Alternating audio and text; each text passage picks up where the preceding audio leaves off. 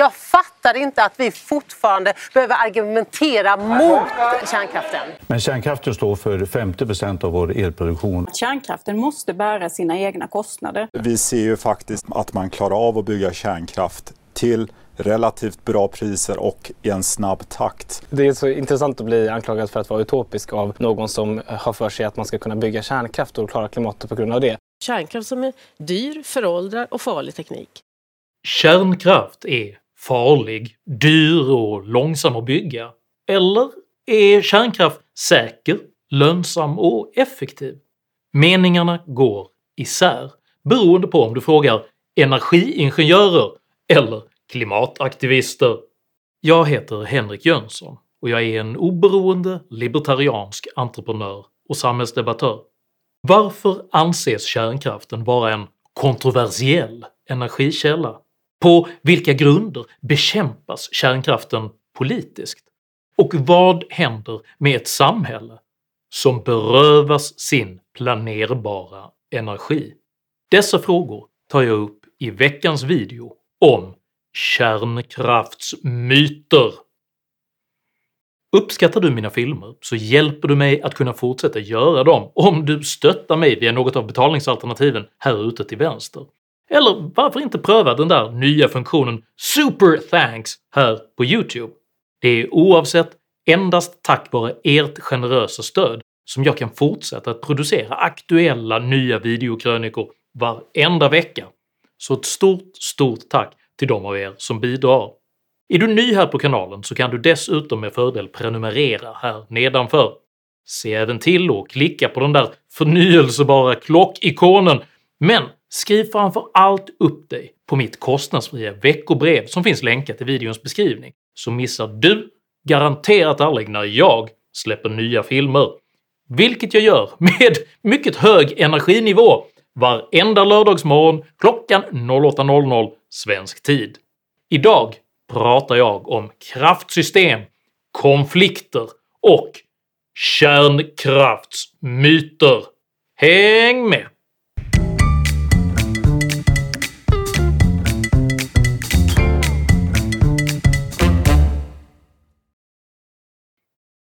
Antikens spartaner dyrkade skräckguden Phobos eftersom de visste att oro, skräck och rädsla riskerade att göra dem oförmögna att fatta rationella beslut i strid. Det är även just från guden Phobos som det irrationella rädslebegreppet fobi har fått sitt namn. Trots att denna typ av rädsla oftast beror på okunskap, missuppfattningar och myter så kan den än idag påverka hela samhällens förmåga till att fatta rationella beslut.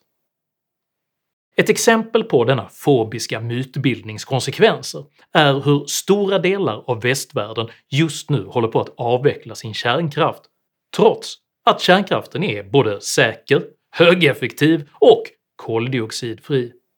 Faktum är att nästan alla argument mot kärnkraft som framförs i den svenska samhällsdebatten är baserade på antingen överdrifter, missförstånd eller just ren mytbildning. Därför tänker jag idag, likt mina spartanska förebilder, ge mig direkt på bekämpandet av den fobiska rädslan genom att avslöja fem myter om kärnkraft. Somliga påstår att tusentals människor skulle ha dött på grund av kärnkraft. Detta stämmer inte, för tvärtom är kärnkraften den statistiskt säkraste energikällan som finns. Ofta framhålls olyckan vid Fukushimaverket i Japan 2011 som ett exempel på hur farlig kärnkraften är, men faktum är att inte en enda person dog av strålning i Fukushima. Detta trots att kärnkraftverket utsattes för den fjärde största jordbävningen någonsin, vilken alltså var så kraftfull att den flyttade hela Japan två meter österut och dessutom påverkade jordens axel. Efter detta dränktes hela anläggningen i en tsunamivåg som var så stor att 60 000 människor tvingades evakuera.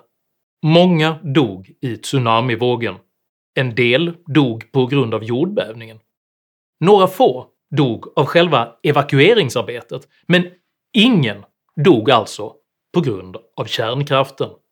Detsamma gäller den ökända Harrisburg-olyckan på Three Mile Island i USA 1979, vilken gav upphov till ett enormt kärnkraftmotstånd, inte minst här i Sverige, men faktum kvarstår. Inte en enda person kom till skada i samband med Harrisburg-olyckan. Tjernobyl-olyckan i ukrainska Pripyat 1986 betraktas av många som den värsta kärnkraftsolyckan i historien, vilken utlöstes av att operatörerna genomförde ett felaktigt experiment i en felkonstruerad sovjetisk reaktortyp utan inneslutningskupol. Trots att detta var ett fullskaligt kärnkraftshaveri dog ändå bara 31 personer, varav 28 under själva släckningsarbetet. Oaktat att varje enskilt dödsfall naturligtvis är en tragedi, så kvarstår faktum. Jämför man dessa dödstal med övriga energislag så är kärnkraften överlägset säkrast. När exempelvis oljeplattformen Deepwater Horizon exploderade år 2010 dog 11 personer och olja flödade ut i den mexikanska gulfen under tre månaders tid. När vattenkraftverket Bianqiao i Kina kollapsade 1975 dränktes mellan 170 000 och 230 000 människor i översvämningarna. Faktum är att bara föroreningarna från förbränning av fossila bränslen enligt Världshälsoorganisationen beräknas döda runt 7 miljoner människor varje år. För att vara tydlig, detta innebär alltså att kolkraften dödar ungefär 200 000 gånger fler än alla kärnkraftsrelaterade dödsfall i hela historien varje år. Och detta är när kolkraften fungerar som den ska. Myterna om att plutonium skulle vara världens farligaste ämne och att kärnkraftverk skulle kunna explodera och sprida ut detta ämne kommer båda från amerikanska aktivister under 1970-talet.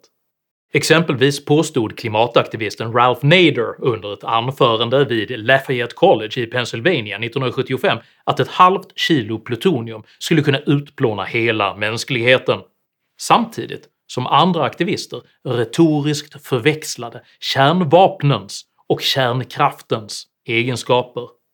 Men plutonium är endast farligt om det kommer in i människokroppen, och uranet i kärnkraftverk är så utspätt att en explosion är lika möjlig som det är att tända en majbrasa med en droppe teröd i en spann vatten. Så här sammanfattar kärnfysikprofessorn Jan Blomgren kärnkraftens säkerhet. Nej, inte om man jämför med andra sätt att göra el och faktiskt inte om man jämför med nästan all teknisk verksamhet i samhället heller. Det man normalt sett använder är hur många dödsfall som har inträffat på grund av att man har gjort el. Då. Och i fallet kärnkraft så är det faktiskt noll i civila kärnkraftverk av den typ vi använder i västvärlden. Och vi har drygt 30 dödsfall i en speciell typ av reaktor som bara fanns i gamla Sovjetunionen, som var byggd med militärt säkerhetstänkande. Osäkerhetstänkande kallar jag det för.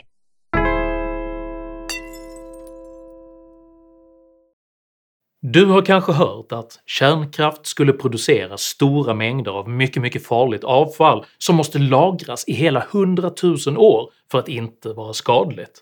Detta stämmer inte.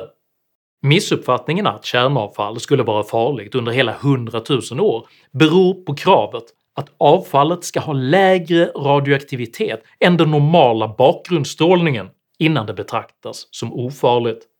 I själva verket blir avfallet hanterbart redan efter 300 år och ligger sedan ytterligare 99 700 år i förvaring på grund av de hårda gränsvärdena. Detta beror på att man blandat samman värdena för helt olika ämnen som bildas inuti kärnreaktorn. I denna skapas både starkt radioaktiva ämnen med kort halveringstid och svagt radioaktiva ämnen med en lång halveringstid. De starkt radioaktiva ämnena är ofarliga efter ungefär 300 år. De svagt radioaktiva ämnena är ofarliga redan från början så länge de inte kommer in i kroppen. Så om du inte planerar att äta kärnavfall så är det alltså relativt säkert att hantera dem redan efter 300 år. Inte heller avfallsmängden är något problem eftersom kärnkraftens volymeffektivitet är så hög att allt uttjänt kärnbränsle som någonsin har producerats i Sverige med lätthet skulle få plats i en medelstor svensk stuga. Faktum är att en typisk svensk medborgares livstidskonsumtion av energi skulle generera mindre kärnavfall än vad som ryms i ett vanligt dricksglas. Så här kommenterar kärnfysikprofessor Jan Blomgren kärnkraftsavfallet.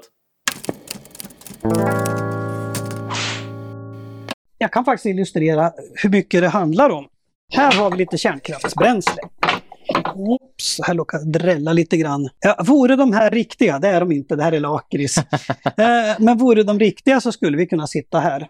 Strålningen från dem kommer bara några centimeter i luft. Får jag låna glaset? Varsågod. Det där kan ge all el som du behöver i ditt liv. Kärnkraften har stått för ungefär hälften av elen i Sverige i snart 50 år. Om man skulle gjuta en enda stor klump av det avfallet, det ska man inte av andra skäl, men skulle man göra det, då blir det stort som ett mellanstort svenskt hus. En vanlig villa. Så sammanfattningsvis, ska man vara orolig över uh, hanteringen av uh, uttjänt kärnbränsle? Nej. Vill man vara orolig så finns det annat som är mycket effektivare att vara orolig för. Kärnkraftsmotståndare påstår gärna att kärnkraften är dyr. Detta stämmer inte. Faktum är att kärnkraften är den långsiktigt billigaste energikällan som finns. Myten om den dyra kärnkraften beror huvudsakligen på kärnkraftsfientlig reglering för att omöjliggöra drift av kärnkraft i Sverige. Under många decennier infördes allt från kärnkraftsspecifika skatter till totalförbud att ens forska om kärnkraft i Sverige, och i samband med att Miljöpartiet blev regeringsparti 2014 formulerade partiet kärnkraftens framtid så här ett helhetsgrepp tas om Vattenfall och styrningen av bolaget i syfte att göra det ledande i omställningen av energisystemet mot en högre andel förnybar energi. Vattenfalls planer på att förbereda för byggandet av ny kärnkraft avbryts. Så här resonerade dåvarande klimat och miljöminister Åsa Romson. Den 1 oktober presenterade den nya rödgröna regeringen sin energiöverenskommelse som bland annat innehöll ett stopp för Vattenfalls planering av ny kärnkraft. Vi ska säkerställa att det stängs kärnkraftsreaktorer under den här mandatperioden och det kommer också att bli så. När nu kärnkraften ska stå för en större del av sina samhällsekonomiska kostnader så kommer de äldsta reaktorerna inte längre att vara lönsamma och därför kommer de att stängas. Mats Ladeborn delar inte den uppfattningen. Nej, jag anser att kärnkraften bär alla sina kostnader idag. Ja, allting handlar ju om vilka saker man räknar in. Räknar man in eh, riskpremierna till exempel för eh, eventuella olyckor i framtiden, då finns det ingen kärnkraft på jorden som bär sina samhällsekonomiska kostnader. Det är inte sant helt enkelt? Inte som jag räknar i alla fall. Vattenfalls dåvarande VD Magnus Hall konstaterade lakoniskt de nya direktiven kommer att innebära en jätteutmaning som kommer att kräva stora nedskärningar. Läget är väldigt allvarligt. Hall fick som konsekvens en sträng uppsträckning av Miljöpartiets energipolitiska talesperson Lise Nordin. Det är regeringen som bestämmer vad Vattenfall ska syssla med och det är Vattenfalls uppgift att verkställa det som regeringen beslutar. Det finns inget utrymme för sådana här uttalanden framöver.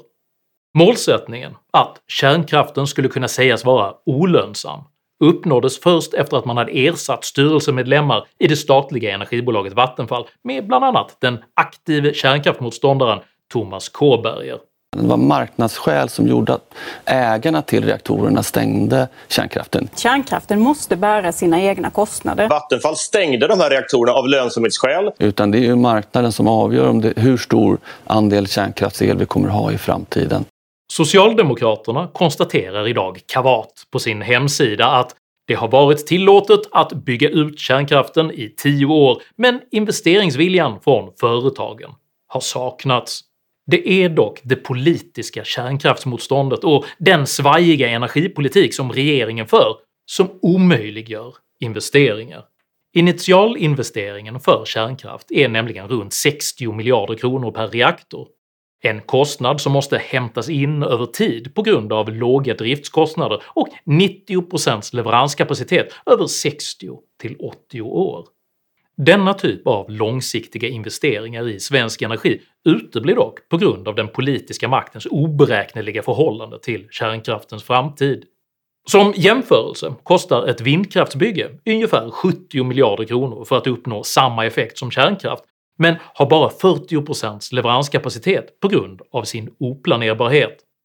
I vindkraftens siffror har inte heller nätkostnaden räknats in, vilken i kärnkraftens fall endast är mellan 5 och 10% på grund av centraliserad produktion, medan vindkraftens nätkostnad ofta är lika stor som hela produktionskostnaden eftersom fler nya kabelanslutningar måste göras. Dessa vindkraftskostnader lägger regeringen i tysthet direkt på energikonsumenten till en beräknad nota på ungefär 5000 kronor årligen per elkonsument. Så här kommenterar Jan Blomgren kärnkraftens ekonomi.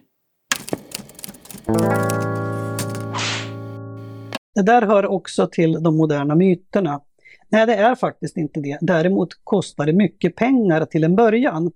Det kostar mycket pengar att bygga kärnkraftverk, men det är ganska billigt att köra det och det håller väldigt lång tid. Man hör ju ofta i samhällsdebatten, politiker till exempel, som talar om att det är marknaden som har valt bort kärnkraften.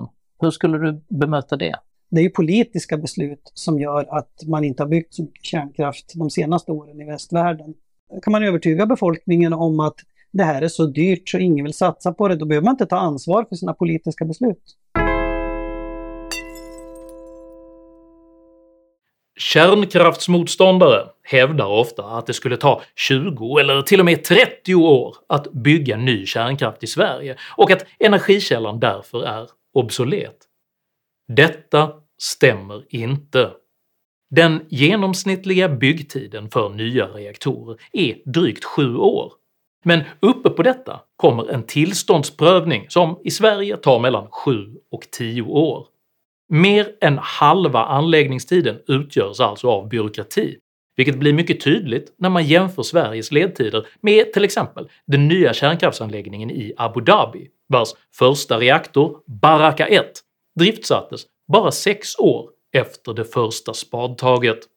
I detta avseende haltar även vindkraftens påstådda snabbhet, eftersom även vindkraft måste genomgå samma långa prövning som kärnkraft, och de omfattande nätanslutningstiderna för havsbaserad vindkraft ofta inte ens inkluderade i konstruktionsprognoserna.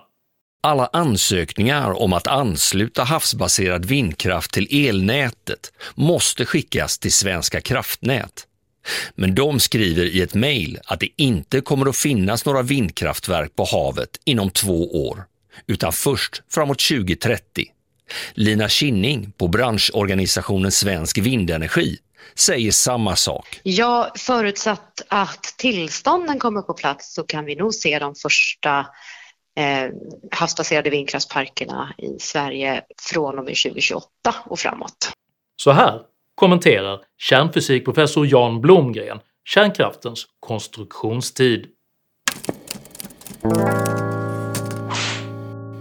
Det tar tid. Eh, genomsnittet i världen är ungefär sju år. Från att eh, man först kör omkring med maskiner på tomten till att man kan skicka ut el på elnätet. Faktum är att idag är det ett större problem med tillstånden. Det tar ofta längre tid än sju år att få tillstånd att ens börja. Så där är den stora tiden. Kärnkraftsmotståndare påstår ofta att kärnkraften är beroende av ryskt uran. Detta stämmer inte. Ryssland beräknas endast ha 8% av världens uranfyndigheter medan Kazakstan med sina 35%, Australien med sina 30% och Kanada med sina 13% tillsammans äger över 78% av uranmarknaden. Faktum är att kärnkraft och kolkraft är de enda två energislag som är helt oberoende av just Ryssland och Kina.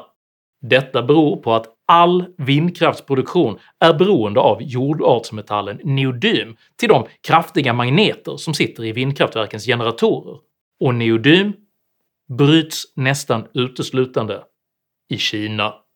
Så här kommenterar kärnfysikprofessor Jan Blomgren beroendesituationen. Nej, det är det inte. Faktum är att eh, kärnkraft och kolkraft, det är de enda sätt vi har att göra el där vi inte gör oss beroende av vare sig Ryssland eller Kina. Ryssland har bortåt 10% av alla uranreserver i världen. Men större delen av allt uran finns i demokratier. Och den största leverantören i världen är inte alls Ryssland, de är ganska långt ner i listan. För att sammanfatta. Kärnkraften är alltså inte farlig utan säkrare än andra energislag. Kärnkraftens avfall är mindre, mer kompakt och rätt hanterat säkrare än många andra restprodukter. Kärnkraften är inte dyr utan det långsiktigt billigaste energislag som finns. Kärnkraften tar inte speciellt lång tid att bygga, i Sverige är det huvudsakligen tillstånden som tar tid. Kärnkraften är inte heller beroende av ryskt uran, för kärnkraft är tvärt det enda energislag utöver kol som är helt oberoende av både Ryssland och Kina. På grund av detta bör Sverige omedelbart avveckla sin fobiska skräck för kärnkraften. Tycker du att Sveriges energiförsörjning är viktigare än upprätthållandet av en fobisk antipati gentemot kärnkraft? I så fall tycker jag att du ska dela den här videon med dina vänner och varför inte prenumerera på min YouTube-kanal när du ändå är i farten. Har du egna erfarenheter av det irrationella kärnkraftsmotståndet? Dela i så fall gärna med dig av dina erfarenheter i kommentarsfältet här nedanför. Jag uppskattar all respektfull kommunikation. Kom dock ihåg att alltid vara artig, även mot dina meningsmotståndare. Jag accepterar inte aggression, personpåhopp eller rasism i mina idédrivna kommentarsfält. Tack för att du som kommenterar respekterar detta. Jag heter Henrik Jönsson och jag företräder en energirik, planerbar och fossilfri energipolitik. Tack för mig och tack för att ni har lyssnat.